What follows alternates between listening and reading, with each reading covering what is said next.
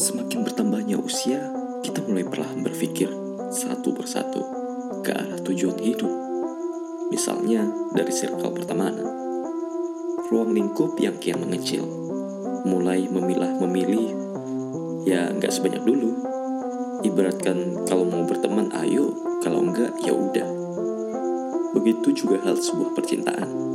Mulai ada ketertarikan ke jenjang yang lebih serius. Kadang ketika ada yang memilih pergi, ya udah, capek rasanya.